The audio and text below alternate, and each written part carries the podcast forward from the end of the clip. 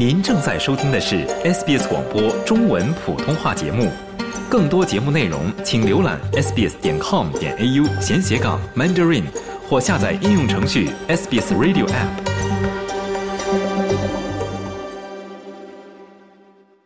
离岸拘留再次成为头条新闻。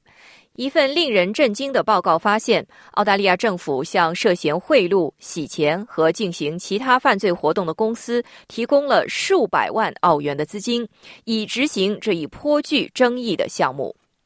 前澳大利亚安全情报组织的负责人丹尼斯·理查森发现，内政部在授予瑙鲁和巴布亚新几内亚区域加工服务合同之前，没有禁止调查。内政部长克莱尔·奥尼尔指责他的前自由党前任彼得·达顿涉嫌不当行为。Peter Dutton seems to have seen that there were problems here and asked no questions and got no answers. 彼得·达顿似乎已经看到了这里存在问题，在他执政的十年里没有提出任何问题，也没有得到任何答案。现在尽职调查的严重失败，造成了什么样的后果呢？损失了数亿澳元纳税人的钱，有可能被用于贩毒、走私枪支和人口贩运。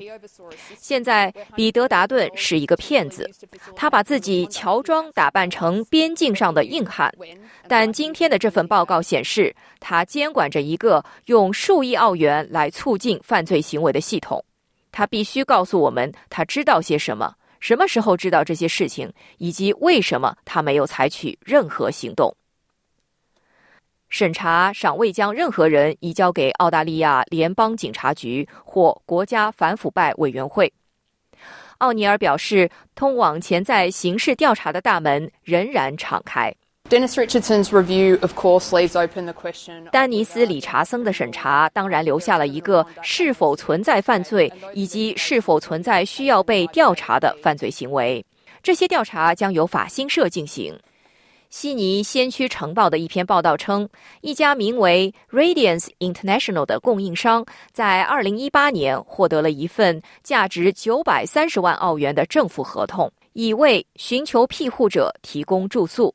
尽管澳大利亚联邦警察局警告达顿，其所有者因涉嫌贿赂瑙鲁政客而接受调查。该报告没有发现任何部长参与区域加工合同或采购决策的证据。报告作者丹尼斯·理查森表示，在没有部长监督的情况下获得合同，这种情况并不少见。I think, given the nature of the contracts. It's perfectly understandable. 我认为，考虑到合同的性质，这是完全可以理解的。如果部长不这样做，就没有被告知。我曾在并非所有合同都被告知部长的部门工作过。难民行动联盟的伊恩·林图尔表示，达顿对非法行为了如指掌，应该让他承担责任。理查森说：“没有部长级参与或找不到任何部长级参与，这是很荒谬的。”达顿知道这些指控，他知道那些不正当的交易正在进行。我们确实需要进行适当的调查，以揭示部长和政府直接牵涉其中的程度。理查森评论向内政部提出了四项建议，一项建议已被修改。丹尼斯·理查森表示，更好的沟通和一点好奇心将改善采购流程。Procurement areas and the intelligence part of their departments, particularly Home Affairs, need to be better. 我认为采购领域和情报部门，特别是内政部的一部分，需要比现在更好的进行沟通与合作。其次，一点好奇心不会误入歧途。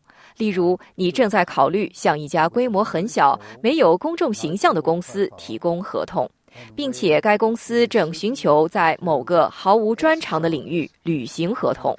最重要的是，他们的年收入即将增加三十倍。我认为，期望一个部门发挥一定程度的好奇心，并做比其基本运营更多的事情是合理的。